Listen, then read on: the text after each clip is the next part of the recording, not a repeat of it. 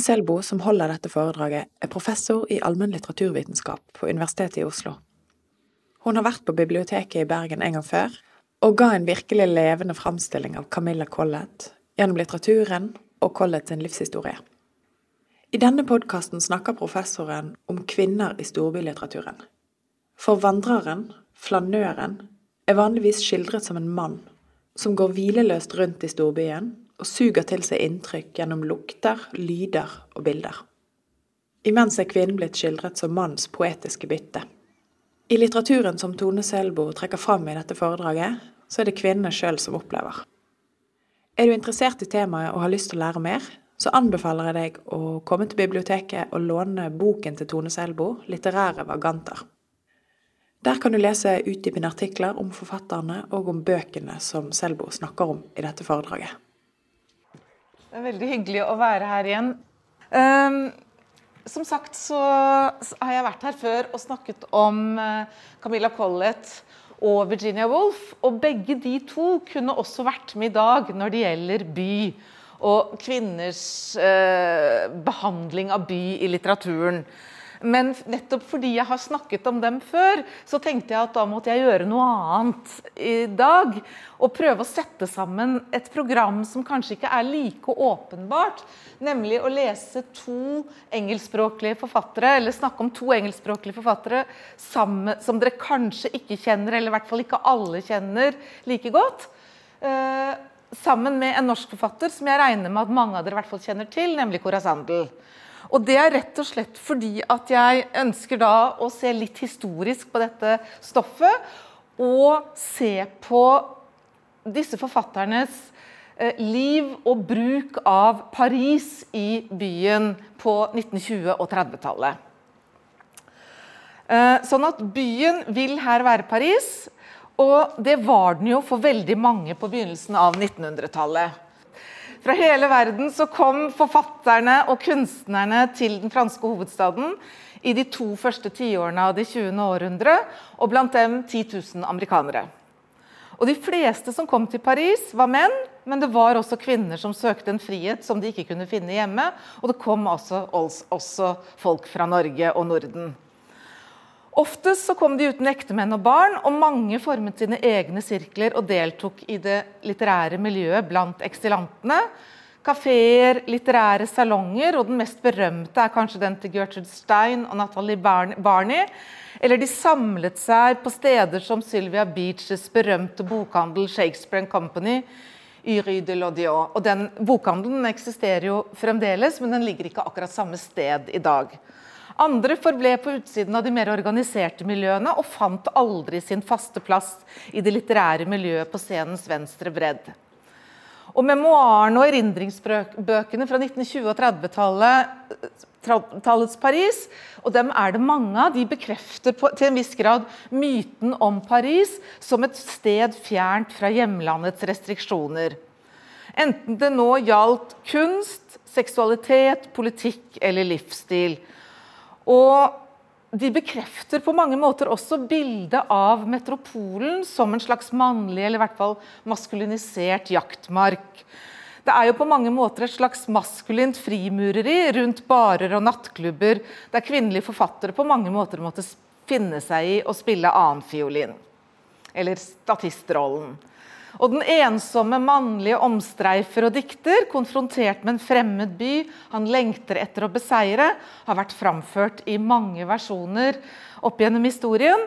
Og som den marxistiske litteratur- og kulturhistorikeren Raymond Williams har uttrykt det, den moderne byen har fra sin spede begynnelse blitt assosiert med en mann som går i gatene, en mann som går som om han var alene. Og dere hører jo med en gang han går som om han var alene. Og det er kanskje ikke så merkelig at byhistoriens og bylitteraturens standardiserte figurer, som flanøren og dandyen, har vært roller som har vært forbeholdt menn. Kvinnene har ofte vært marginalisert i diskusjonen om byen, enten vi nå ser på det litterære bildet av byen, av, litterære bildet av byen eller vi ser på fremstillingen av den klassiske byvandreren. Flanøren som spaserer i gatene i ensom majestet, uten annen hensikt enn å betrakte byen og bylivet. Og et et berømt eller et kjent moderne essay av kulturhistorikeren Janet Wolff argumenterer for at en kvinnelig flanør er det samme som det hun kaller for en invisible flanøs, altså en usynlig flanøse.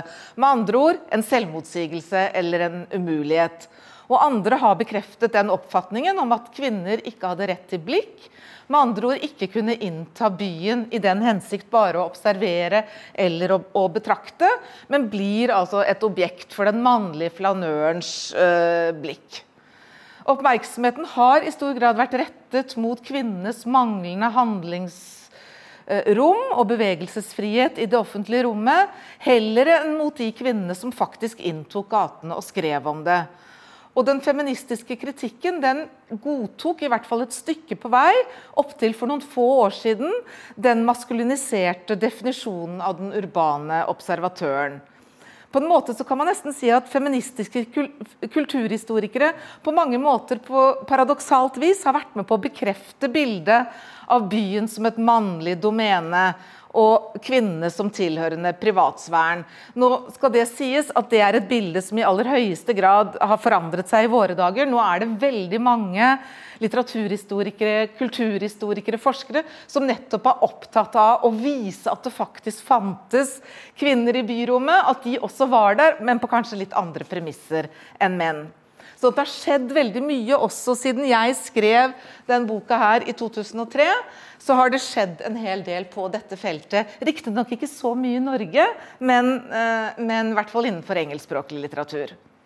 Men at den klassiske 1800-tallsflanøren, i betydningen den mer sånn stokksvingende gateesteten, var en mann, det er nok udiskutabelt. Men det betyr altså ikke at, at ikke også kvinner benyttet byrommet for sine observasjoner. Det var også kvinner som botaniserte på asfalten, som Walter Benjamin, den tyske, tyske filosofen og sosiologen, har kalt det. Altså, De leser, de studerer eh, det urbane livets aktiviteter for å kunne oversette det og kartlegge byen også litterært. Og blant det som Virginia Woolf har kalt 'den store republikanske hær av anonyme vandrere', så er det jo også kvinner. Og den mannlige byvandreren har ikke vært så alene som de mer klassiske eller tradisjonelle oversiktsverkene vil ha oss til å tro. Og akkurat der så er jo også Camilla Collett et godt eksempel hvis vi går til 1800-tallet, på en som kommer fra den absolutte utkanten, altså fra Norge, og faktisk vandrer i gatene både i Paris og Berlin. Kvinnelige forfattere både på 1800-tallet og utover på 1900-tallet har undersøkt forholdet mellom å se og bli sett, mellom by og litteratur, og har gitt sitt bidrag til bylitteraturen. Og som en metafor for den moderne kunstnerens perspektiv, og som en figur som overskrider vedtatte grenser for kjønn og sosialitet, så kan man jo bruke denne flanørtermen for å karakterisere kvinners byskildringer. Men i den klassiske betydningen, altså ledegjengeren som bare er ute og går for å gå, og skal liksom bade i massene og observere omgivelsene uten selv å bli involvert, så er figuren nok mer problematisk å bruke på kvinners uh, måter å innta byrommet på. Kvinnene er byvandrere og betraktere som bruker observasjoner i kunstens og litteraturens tjeneste men i sine tankeganger, og det er et godt norsk ord som passer veldig godt her, at man går mens man tenker, så har de ofte ikke den selvfølgelige autoriteten som den parisiske flanøren utstråler. Sånn at de er snarere omstreifere, eller det jeg har kalt vaganter, både i skrift og i skritt. De går og de ser, og de ser mens de går. Og de innføyer selve bevegelsen i en slags sånn hvileløs utforskning av hvem de er, og hvor de er. Og det er en slags rastløs drift etter et eget sted og en eget identitet, som på mange måter er en problematisering av den mer klassiske flanørens selvbevisste positur. Og viser også kanskje denne, denne overflateestetikkens bakside. Sånn som for så vidt også en som, som den franske forfatteren Baudelaire gjør i sine skrifter. F.eks. er jo den prostituerte, i likhet med dandyen, opptatt av klesdrakten. Men der er hensikten en helt annen. Hun tilbyr kanskje også sin sjel, men hun gjør det via sin kropp. Og så vet vi jo at byen det er på mange måter modernismens setting framfor noen. Enten vi nå velger å snakke om en begynnende modernisme allerede fra midten av 1800-tallet og framover, eller vi reserverer termen for den perioden jeg skal snakke om nå, 1920-30-tallet.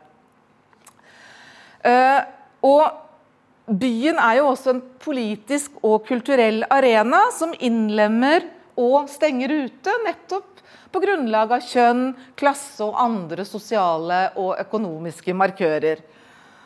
Og hvordan håndterer da 1920- og 30-tallets forfattere de kvinnene som inntok Paris' gater og kafeer, den moderne metropolens kompleksitet? Og Det er noe av det jeg tenkte jeg skulle gi dere eksempler på i dag.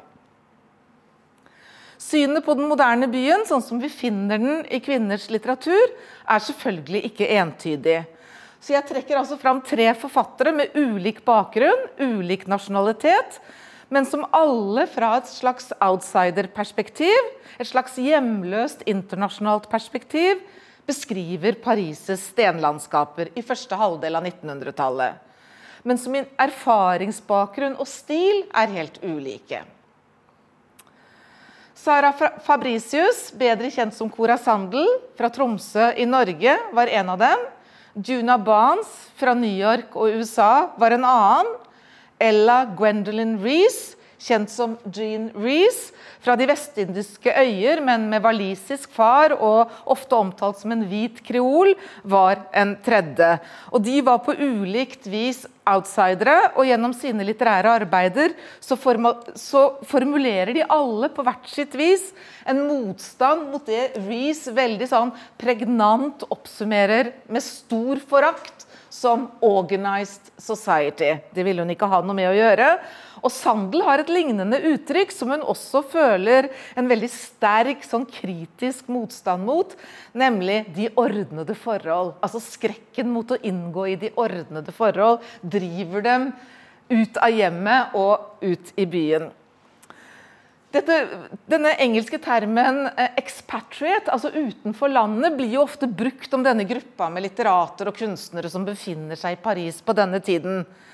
Uh, Reece problematiserer denne termen. Hun har ikke egentlig noe hjemland, hun vet ikke helt hvor hun kommer fra, så hun sier sarkastisk 'expatriate'. Expatriate from where? Rett og, rett og, slett for å understreke nemlig at det er en term som markerer at man har et land å dra tilbake til, og det er ikke alle som har det. Eh, Sandel har jo i sin Alberte-trilogi, i Alberte og friheten, så står det om Alberte, eller så tenker Alberte Hun var hjemmefra, så meget var hun. Altså at det er et gode i seg selv å kunne komme hjemmefra. Sånn at ord som hjem, hjemløshet, hjemmefra har et veldig sånn stort, stor betydningsrikdom.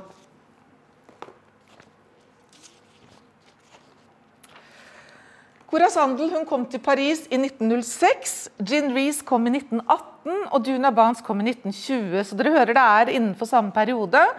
Og som andre forfattere på samme tid så slo de seg ned på et ganske begrenset område av scenens venstre bredd, mellom Montparnasse og Boulevard Saint-Michel, og mellom scenen og Luxembourghaven. Og den delen av Left Bank, da, som det omtales som ofte i de engelskspråklige memoarverkene, ble eksilkunstnernes og forfatternes miljø. Og også andre pengelenses miljø. altså Fattige besøkende de trakk dit. Mens den høyre siden av elven det var området for de rike og etablerte.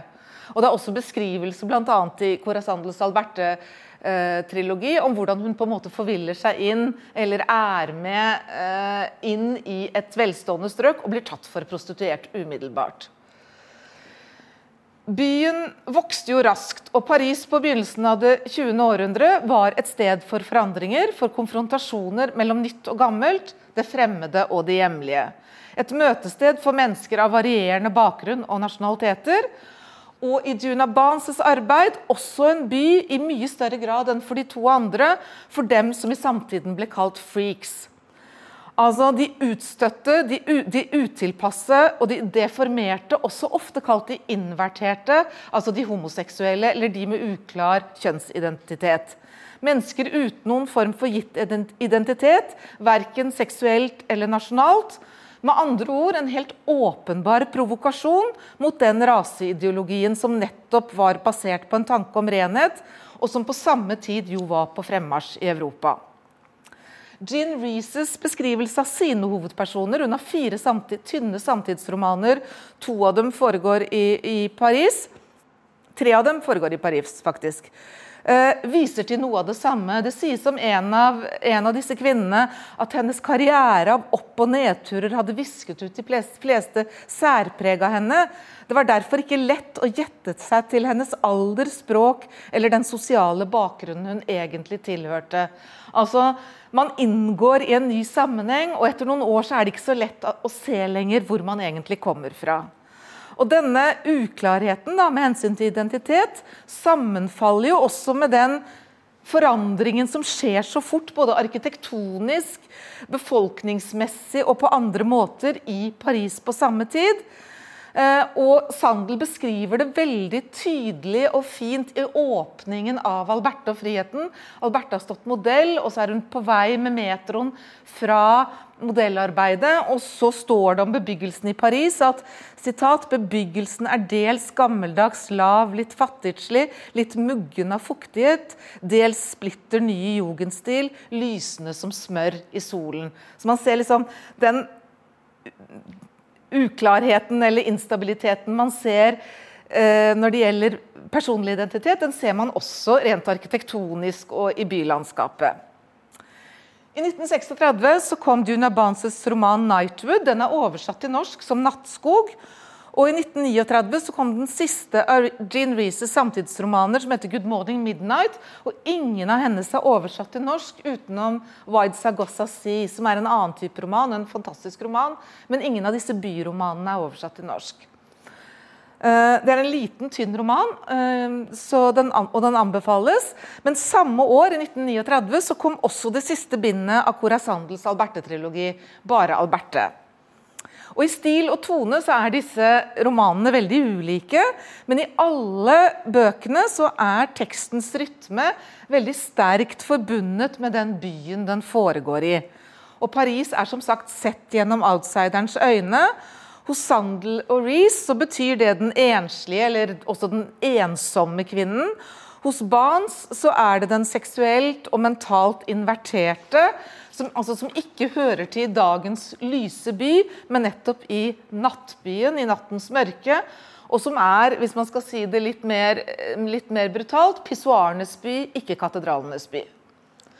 Og Et fellestrekk mellom disse forfatterne det er altså Paris. Nærmere bestemt nemlig hvordan denne franske hovedstaden, som man ofte liksom ser i litt mer sånne glamorøse termer, slår inn i og preger tekstene og genererer et bestemt språk og en bestemt erfaring. Sånn at det som skjer, er avhengig av hvor det skjer. Og Inspirert av en litteraturforsker som heter Franco Moretti, så har jeg sett litt på sammenhengen mellom geografisk kart og litterært kart. Og jeg skal ikke gå sånn teoretisk til verks her, jeg skal bare prøve å bruke han som et ørlite redskap for jeg skal se litt nærmere da på hvordan disse forfatterne leser byen. Og de responderer ulikt på omgivelsene der de bor, og også hvor de plasserer romanpersonene.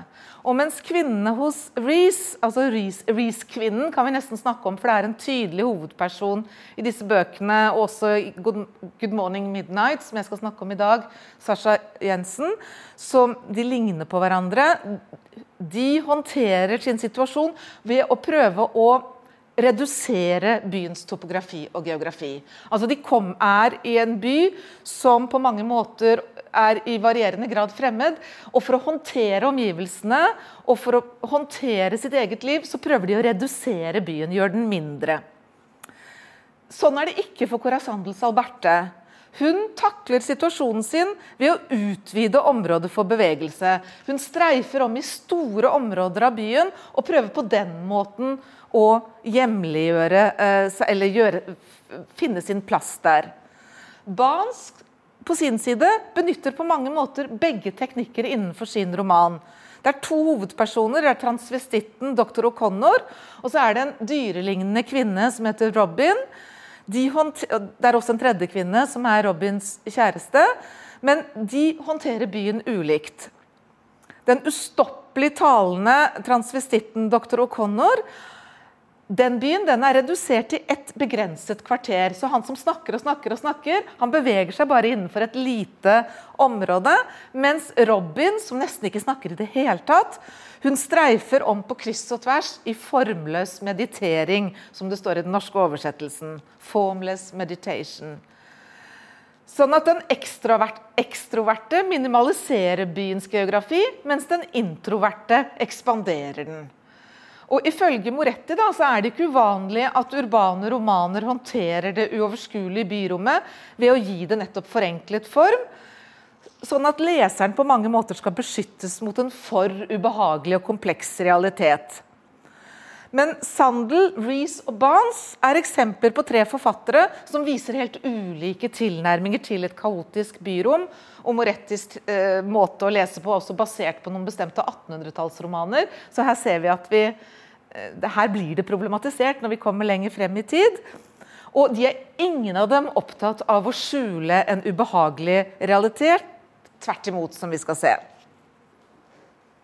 La oss starte med Jean Reece. Hun presenterer situasjoner og typer forbundet med det angloamerikanske miljøet på left bank, men, eller venstrebredd, eh, men hennes protagonister er mer i periferien enn i sentrum av det miljøet som også den gang, og er i dag, et sånt livlig turistisk miljø. Og det som er mer spesielt for hennes personer og hennes miljø, er at det er helt fjernt, ikke bare fjernt, det har ingen forbindelse overhodet med det litterære etablissementet. Det er, liksom, det er ikke Gertrude Steins salonger og Hemingways barer og osv. Hennes Paris består av bakgater og blindgater, billige hoteller og dårlige kafeer. Og kvinnene hennes er definitivt utenfor i det en av hennes samtidige døper latinerkvarterets levende hjerte. Alle hennes fire samtidsromaner foregår enten i Paris eller London, eller begge steder.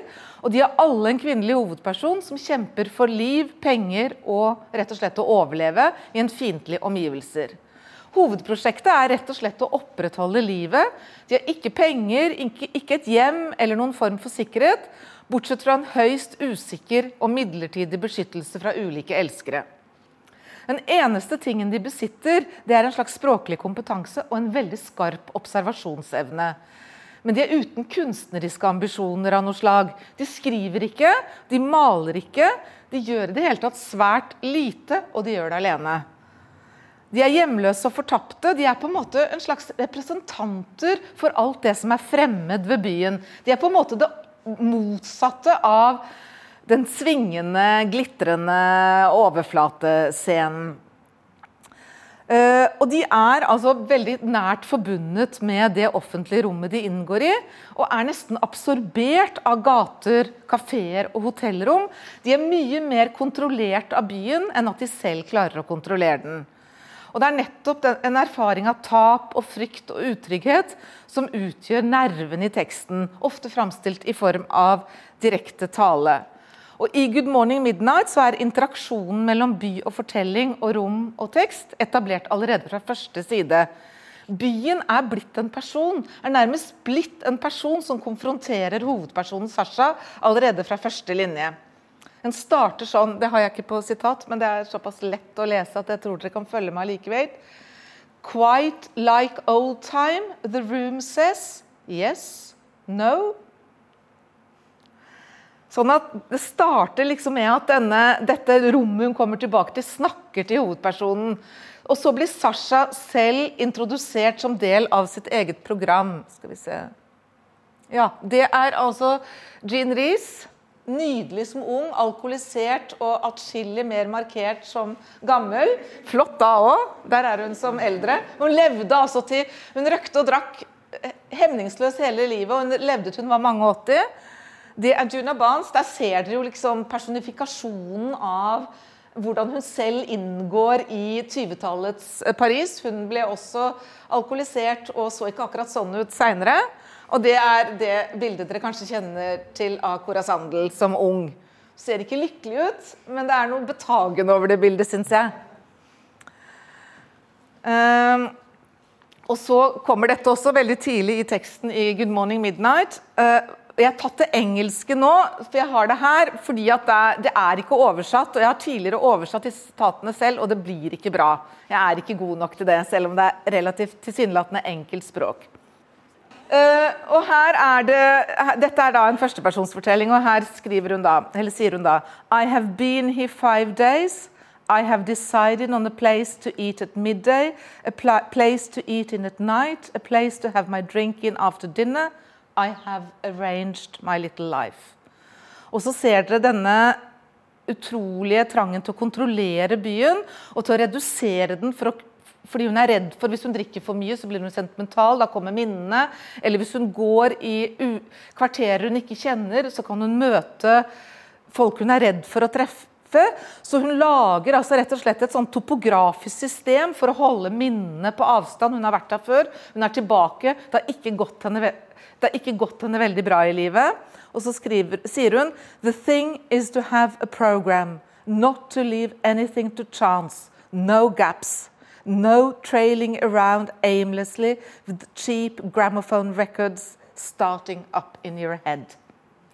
Altså, Hovedpersonen unngår jo nettopp flanørens langsomme omstreifing uten mål, fordi, nettopp fordi en sånn planløs flanering kan frambringe farlige tanker og erindringer.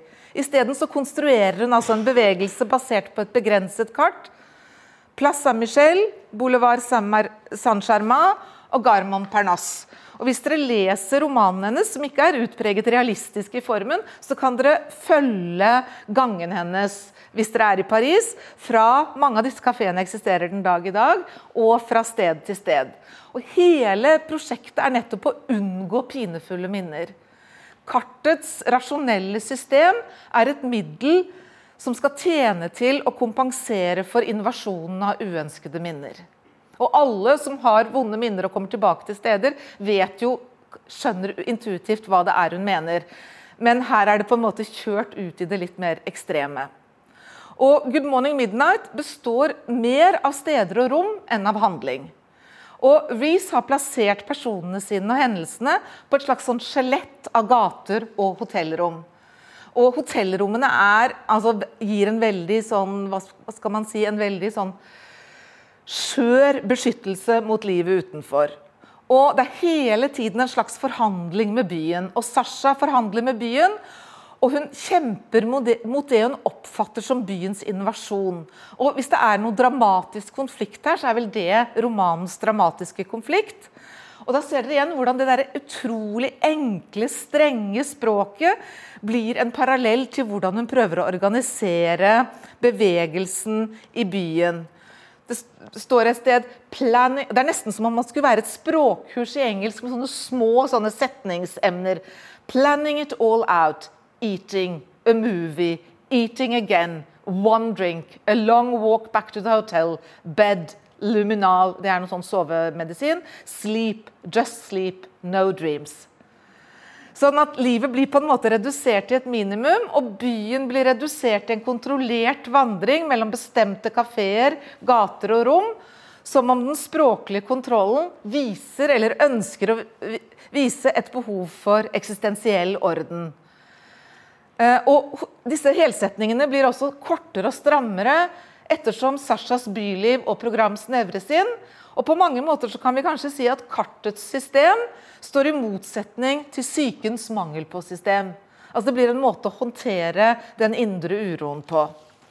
Sånn at vi ser veldig godt hvordan Jean Rees etablerer korrespondanser mellom språk, bevissthet og topografi som gjør det tydelig at det alltid er en forbindelse mellom en psykisk verden og en materiell verden, og mellom det livet som leves nå, og de minnene som finnes der i fortiden.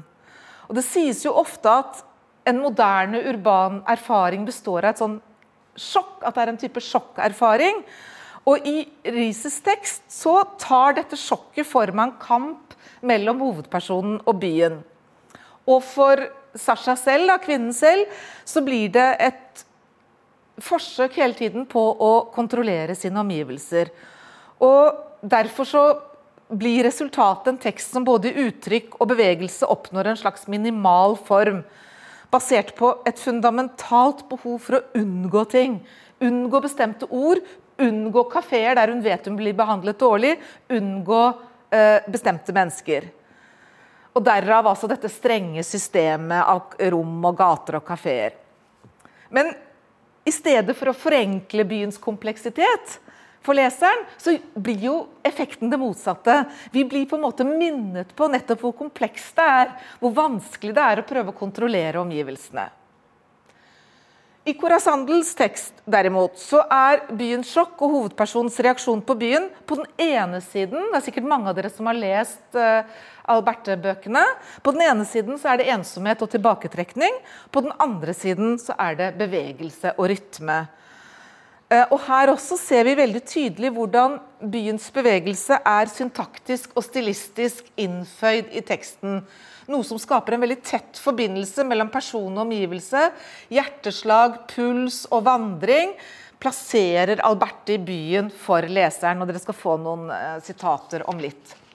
Jeg skal bare si litt uh, mer før jeg gir dere flere sitater. Og dette Portrettet av Alberte er jo som de av dere som har lest romanene, husker, karakterisert av veldig sånne finslepne paralleller mellom det hun føler og det hun sanser, og de bevegelsene og det som skjer i byen. Og Alberte og friheten, det andre bindet i trilogien av Alberte, som kom i 1931, er jo på mange måter en slags uh, del av en dannelsesroman eller et portrett av kunstneren som ung kvinne. Det første bindet foregår i Nord-Norge, mens det andre og mesteparten av det tredje foregår i Paris, før hun så returnerer til Norge i slutten av tredje bind. Og Paris blir hovedsakelig formidlet via Albertes blikk og bevissthet. Og nesten alt det hun erfarer, og nesten alle hennes refleksjoner, er basert i en bestemt eller er fundert i en bestemt fysisk rytme eller mangel på rytme, der minner også bryter inn.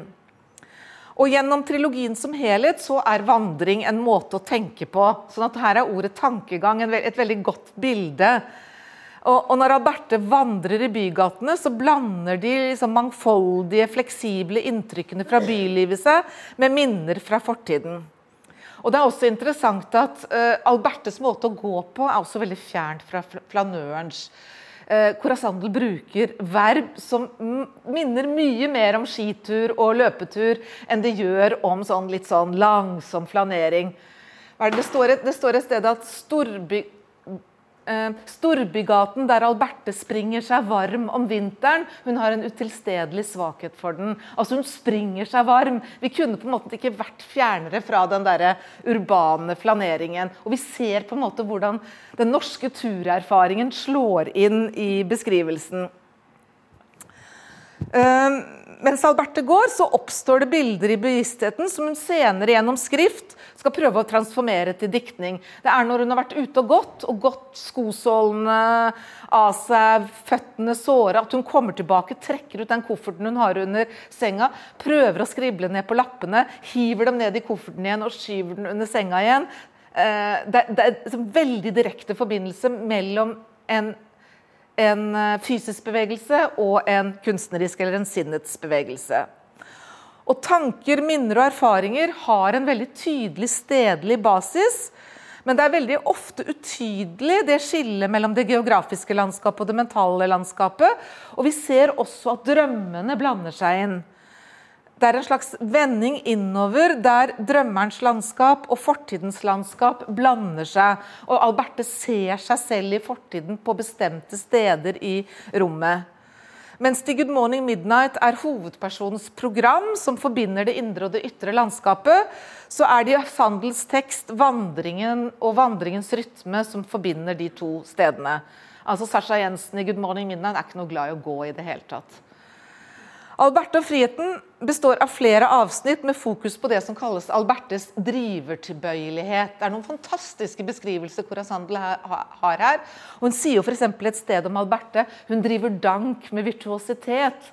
Synes det er en helt utrolig formulering. Og Alberte hun går og hun ser, og bevegelsen hennes er så å si innfelt i ytringen, sånn at vi som lesere blir også tatt med på vandring. Det er en tur som så å si er sitt eget mål, være ren bevegelse. Det er akkurat som en blir liksom ett med sin egen gange. Og bevegelsen er framhevet, uh, og det understrekes av måten Sandel ofte kutter setningens subjekt på for å gjøre selve liksom, bevegelsen til hovedperson.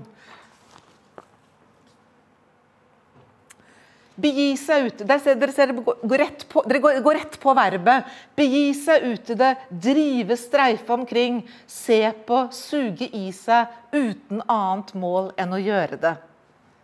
Dere ser der liksom, Her er det bevegelsen som er hovedpersonen, så å si. Fra samme, samme tekst. Lett, jeg skal lese, Da hører dere hvordan man nærmest uforvarende leser fortere og fortere, for det er noe med rytmen i teksten. La Villette Saint-Sulpice, forbi Saint-Germain-de-Pré, over Place Saint-Michel, scenen, La Cité, forbi Port Saint-Martin, Gare de l'Est, gjennom brede og rette, smale og krokete gater. Gater som lukter bensin, parfyme, pudder, og gater som lukter olje, pommes frites, pannekake. Regelmessige, korrekte gater hvor husene står og ser ut som de er, og andre hvor skilter, markiser, plakater og reklameforanstaltninger av alle slags trenges på hverandre. Oppløser og forskyver konturer, troller bort alle alle bærende flater i et mylder av brokete biter. Og Det er jo mye å si om dette sitatet, og jeg rekker ikke å si så mye. Dere ser jo bl.a. Uh, Corazandels bakgrunn som maler her. Dette er uh, nesten en slags kubistisk, en blanding av impresjonistisk og kubistisk beskrivelse av flytende overganger, men også broker, brokete biter, eh, flater osv. Dere ser det visuelle blikket. Og og dere ser også en by som er i ferd med å forandre seg. Dere skjønner at Vi er ikke, overhodet ikke på 1800-tallet her. Her er vi på 1900-tallet. Reklameforanstaltninger. Eh, skilter, markiser, plakater. Dere ser Dette er, dette er liksom den moderne byen i sin, i sin, ja, sin start, i hvert fall. Og man kan jo kanskje si at Alberte-skikkelsen, mye mer enn eh, Jean Rieses eh, kvinneskikkelse Sasha, tar opp i seg mange av den klassiske um, flanørens eller byvandrerens trekk. Hun observerer, hun samler inntrykk som hun senere omformer til skrift. Hun botaniserer i aller høyeste grad på asfalten, og hun forsyner seg av storbyens stenlandskaper. Men hun er ikke noen dvelende flanør som vandrer med øynene. Det er den fysiske bevegelsen og bildene den fremmer. altså Det er den fysiske bevegelsen som fremmer bilder, heller egentlig enn den bevisste observasjonen. Det er det som inspirerer henne. Hun går fort, hun løper seg varm, og hun krysser grenser mellom ulike områder. Og hennes målløse vandringer, vandringer i byen har veldig mye til felles med de vandringene hun gjorde i barndommen, og som vi møter i første bind, enten til fots eller på ski. Uh, og på en måte så tror jeg Corazandel antyder at på en måte så er kroppene våre alltid lokalt forankret. unnskyld, At vi bærer på en måte med oss de landskapene vi er vokst opp i, selv om vi flytter på oss.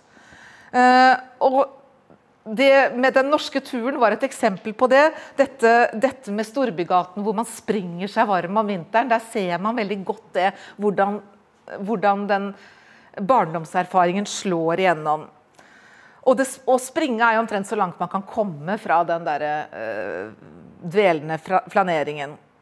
Sånn at Drivertilbøyeligheten til Alberte, og det er jo et ord som brukes i teksten, det er ikke først og fremst forbundet med byen som sådan, men det forsterker snarere en tilbøyelighet som har vært i henne fra barnsbena. Hun hadde drivertilbøyelighet i Tromsø også.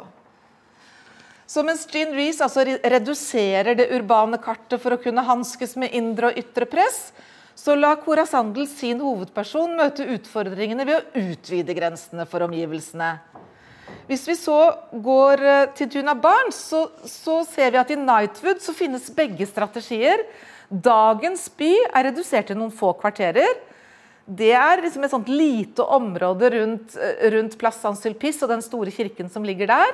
Og den kafeen som ligger på den plassen, er der den doktoren satt, og den har samme navn den dag i dag. Mens Nattens by, som er den byen som er viktigst for de personene her, den er flytende, og den er formløs. Og uansett hvor ulike disse forfatterne er, så favoriserer alle tre erfaringen av anonymitet. Altså Det er en fundamentalt forutsetning for å kunne være fri både i negativ og positiv forstand. For en type sånn urban hjemløshet, og her bruker jeg egentlig ordet hjemløs mest nøytralt. Det har noen negative sider, men det har også noen nødvendige sider. Og det er nødvendig da å ha en form for anonymitet. Og nettopp bygatene med barer, hoteller og navnløse menneskemengder er et slags emblem for denne anonymiteten, der frihet og ensomhet og fremmedgjøring og gjenkjennelse er sider av samme sak. Jeg skal se på noen flere sitater. Ja. På baren, Dette er fra Alberto Friheten. På baren hvor man drikker kaffe og knekker et hårkokt egg mot disken, er man den som kom og gikk, og som ingen kan gi opplysninger om. Alberte fornemmer noe som ligner skadeglede ved det. Og det er jo interessant det der ordet skadeglede. Hvorfor skal hun gjøre det? Og det vet vi når vi har lest starten, hvor hun er så hemmet av de blikkene i småbyen. Hvor man alltid ses, alltid vurderes, alltid plasseres i bestemte sosiale lag osv. Så, videre. så her er, det er jo på, en måte en, på mange måter en positiv beskrivelse så kommer det et sitat fra Dette er fra Good Morning Midnight igjen. Bare for å vise parallellene her, selv om dette er to forfattere som ikke ante noe om hverandre. Sometimes somebody comes in for stamps or a man for a drink. Then you can see outside into the street, and the street walks in. It is one of those streets, dark, powerful, magical. Oh, there you are, it says, walking in at the door. There you are, Where have you been all this long time? Nobody else knows me, but the street knows me. Der er tonen mørkere, eh, på en måte mer faretruende. Den eneste som kjenner henne, er gata. Eh, jeg tror jeg har jeg Ja, det er igjen Alberte. Eh, Utpå kvelden går Alberte ut, driver på gaten. Den er manges tilflukt på denne tid, de husvilles, de ensommes, de prostituertes, de håndfalne som ikke vet hva de skal ta seg til. Ingen er så umulig at han ikke er her å kjenne seg på sin plass. Hun går nedover Rydder Renn, den gråeste, steinhåreste, mest ørkenaktige av gater. Der treffer man ingen kjente, der er man den anonyme som går forbi arbeiderpiken, som går forbi arbeiderpiken på vei hjem, gatepiken på vei ut, et strå i strømmen. Nedover, oppover, nedover igjen. Så på det ene fortau, så på det annet. Trafikken avtar. Gaten får efterhånden preg av tom scene, hvor et bråket spill har vært oppført. Rusk og papir, bananskall og sigarettstumper ligger igjen efter det i rennestenen. Får eftersom aften går karakter av et slags ufyselig staffasje. Alle skodder er stengt oppe i husene. Og det Ja, jeg leste mer enn det jeg hadde med der, tydeligvis. Skal vi se om jeg Nei. Ja. Uh, ja. Men den siste der, alle skodder er stengt oppe i husene, der får dere med en gang kontrasten mellom de som ikke har det familiehjemmet å trekke tilbake til og kan trekke skoddene for, og blir ute. Uh, uh, og du får denne dobbeltheten mellom ute og inne. Ingen av de tre romanene jeg har snakket om her, eller hvis man regner altså Alberte-trilogien som én, da, feirer det glamorøse bildet av the swinging age. Men Juna Barnes går lenger enn både Jean Reece og Corazandel i å representere eller å gi øh, ord til en skjult by, altså den byen som, som ikke syns i det hele tatt på overflaten.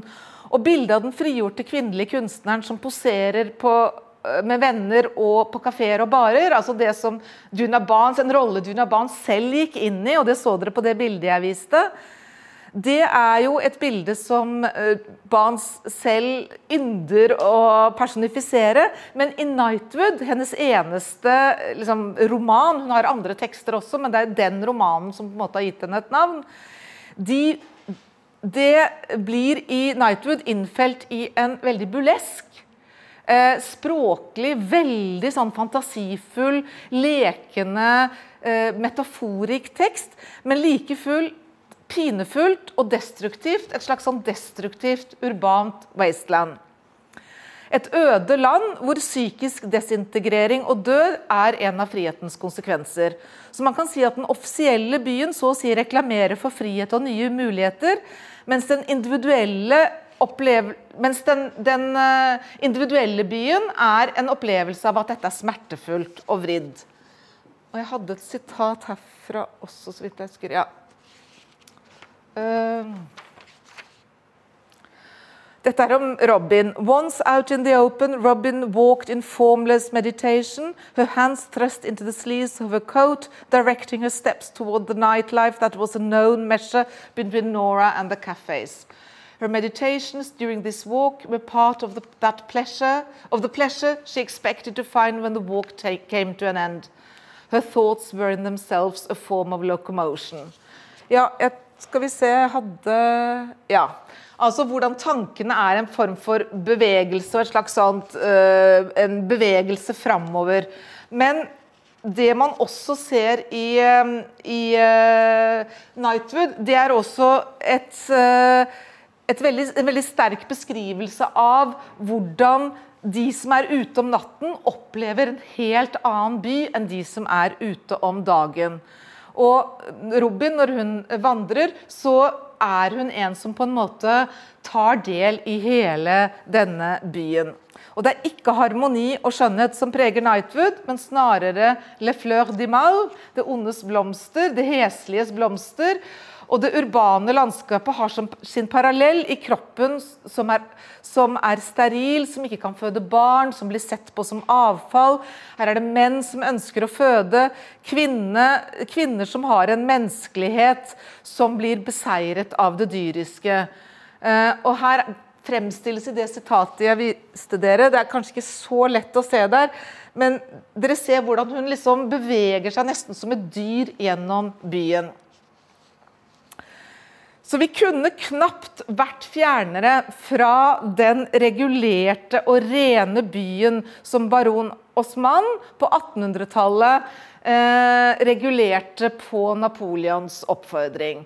Som følge av alle revolusjonene i Paris så ble det jo et ønske om å få større kontroll og større oversiktlighet, og så ble det satt i gang en stor opprenskning av byen. Og de boulevardene som vi kjenner i dag, disse brede, oversiktlige gatene i Paris, de ble jo i stor grad anlagt på 1800-tallet, eller i hvert fall forlenget og gjort, øh, gjort øh, mer dominerende på 1800-tallet. Og en hel haug med gamle kvarterer ble revet og sanert.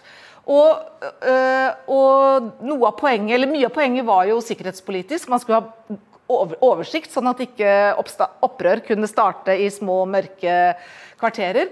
Men det var også et sunnhetsprosjekt. Det var et ønske om å renske byen, det var et ønske om å rydde opp og gjøre den sunnere osv. Og, så og det gjorde jo baron Osman noen, på noen få år. Eh, på slutten av 1850-tallet og på begynnelsen av 1860-tallet. Og den byen vi treffer hos Jean Rees, Corazandel og især hos Junabans, det er jo på en, på en måte en by, særlig hos Junabans, som jo nettopp ikke er en renslig by. Som nettopp viser at byen har fattigdom, skitt, usunnhet, elendighet som sin bakside, og at det også er en viktig del av bybildet.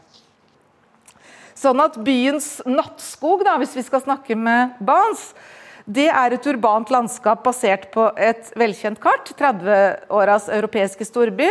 Men natten viser et rom bestående av tiggere og prostituerte, vagantere og løsgjengere av ulikt slag. Og bare de som kjenner byens kart, eller nattens kart, som er barer og pissoarer og steder som er lukket og usynlige om dagen, kan identifisere seg med det. Og både doktoren og Robin er nattens mennesker. Og øh, en artikulerer det, en annen gjør det ikke, men er eksempler på at kvinnelige forfattere også tør å ta fatt i dette, denne wasteland-erfaringen som, som så ofte knyttes til mannlige modernistiske kunstnere. Som vandring, som vandrende på natterstid, det gjør jo alle disse kvinnene. Eh, de vandrer jo på kvelden og på natten i varierende grad så er de del av en navnløs masse som er vanskelig å definere. De hører verken til her eller der. De er utlendinger, de er tilhørsløse, de er omstreif fra alle slag. De er del av gata uten faktisk å leve på gata eller være det man normalt kaller gatas kvinner, men de er nesten sånn i skjæringspunktet. De er på grensen, de strever med å holde seg liksom akkurat på den riktige grensen. Og sin status som medlemmer av det borgerlige samfunnets randsoner blir forsterket om natten. Natten fremkaller en annen form for liv og gir rom til dem som ikke hører til bak familiehjemmets lukkede dører. På samme tid så er byen også en slags memento mori, altså scenen som er full av rester og avfall etter at alle er gått hjem for dagen, sånn som vi så i Sandel-sitatet, er jo nettopp baksiden av den der befolkede, livlige handelsgata. Og det er jo den gata den borgerlige flanør søker gledene sine i. Og Metropolen er nettopp stedet for møter og til tider konflikter mellom en indre mental verden og en ytre materiell verden. Og at det nettopp er den moderne metropolen som får spille en sånn rolle, er jo ikke så tilfeldig og heller ikke overraskende. For i en verden basert på det anonyme, ustabile og skiftende, snarere enn det solide, varige og velkjente, så kan jo den velkjente eksistere. Sånn at Her kan kvinnen være every woman, en slags hvem som helst, og dermed prøve å skape seg sitt eget rom. Og vi kan ikke unngå å se at det urbane rommet er kjønnet. Kvinnene, mer enn sine mannlige samtidige, er tvunget til å slå blikket ned for ikke å bli hindret i bevegelsen, også på begynnelsen av 1900-tallet. Blir avbrutt av kommentarer som f.eks. det hviskende 'Tyvia, kommer du?' til Alberte når hun er ute og går på kvelden. altså Eh, de som passerer henne, tror hun er prostituert og ønsker at hun skal bli med. Eller også på fransk i 'Good Morning Midnight' Pourquoi, pourquoi est vous si triste? Hvorfor er de så trist? Som også er en innledende frase for å komme med forslag til kvinnen om at hun skal bli med. Og det betyr ikke at disse kvinnene ikke kan innta gatene, eller ikke gjør det. Tvert imot. Tvert imot kan byens anonymitet tilby et fluktrom uansett hvor skjørt og vanskelig det er, både gir muligheter for frihet, glemsel og ensomhet, men det er et annet rom for dem enn det er for deres mannlige kolleger. Mange av de kvinnene vi finner i moderne storbylitteratur, er i en usikker eller ustabil sosial person, der posisjon, unnskyld, der ord som hjem eller tilhørighet har mistet sin betydning, eller i hvert fall forandret betydning. Og at det blir et anonymitetsrom som fremmer ensomhet, men også er en måte å unnslippe hjemme på. Eh, og Vi ser hvordan det gjøres på ulikt vis her. Og verden er i alle tre tilfeller sett gjennom byvandrerens øyne, men holdningen til vandring, til måter å leve på osv. er helt ulik. Sandels Alberte observerer ikke ved dveling, men gjennom muskler, puls og pust. Riskvinnen derimot motsetter seg bevegelse. Hun beskytter seg ved å unngå unødvendig aktivitet. Hvis og om hun går, hun vil mye eller ta en taxi, så er det ikke for å observere bylivet, men for å holde mennesker og minner på avstand. I Nightwood så forholder personene seg ulikt til byen. Doktor er den som snakker, Robin den som går, og som blir kvinnen i mengden. Altså, Vandring er en måte å tenke på, og det ser vi veldig tydelig i disse bøkene. Men tanken er ulik, og er selvfølgelig like ulik i kvinners romaner som i menns bøker. Og Albertes vandring fremmer minner, bilder og kreative impulser, mens Sasha unngår å streife rundt som del av sin bestrebelse på å holde minner og forstyrrende tanker på avstand. Og alle tre romanene på en måte aktualiserer dette at å gå og tenke hører sammen. Og I alle tre tilfellene så kommer byen til syne gjennom ord fra det vi kan kalle for marginene. Fra en underverden av utstøtte og underprivilegerte, fjernt fra det Corazandel kaller de ordnede forhold. Ingen av disse forfatterne beskytter leseren fra å oppleve byens uorden eller urenhet, uansett om forfatteren velger å redusere eller å utvide byens faktiske geografi. Reece, Sandel og Barnes er vandrere i randsonen av det modernistiske kartet. Selv om de representerer ulike måter å forholde seg til byen på, så gjør disse romanene det klart at kvinnelige forfattere tilhører den moderne kanoen av bylitteratur på lik linje med sine mannlige kolleger. Og ved å gi, ved å gi oss den utilpasse og upåaktedes perspektiv, så bidrar de til historien om byen og til byens historie om seg selv. Takk for oppmerksomheten.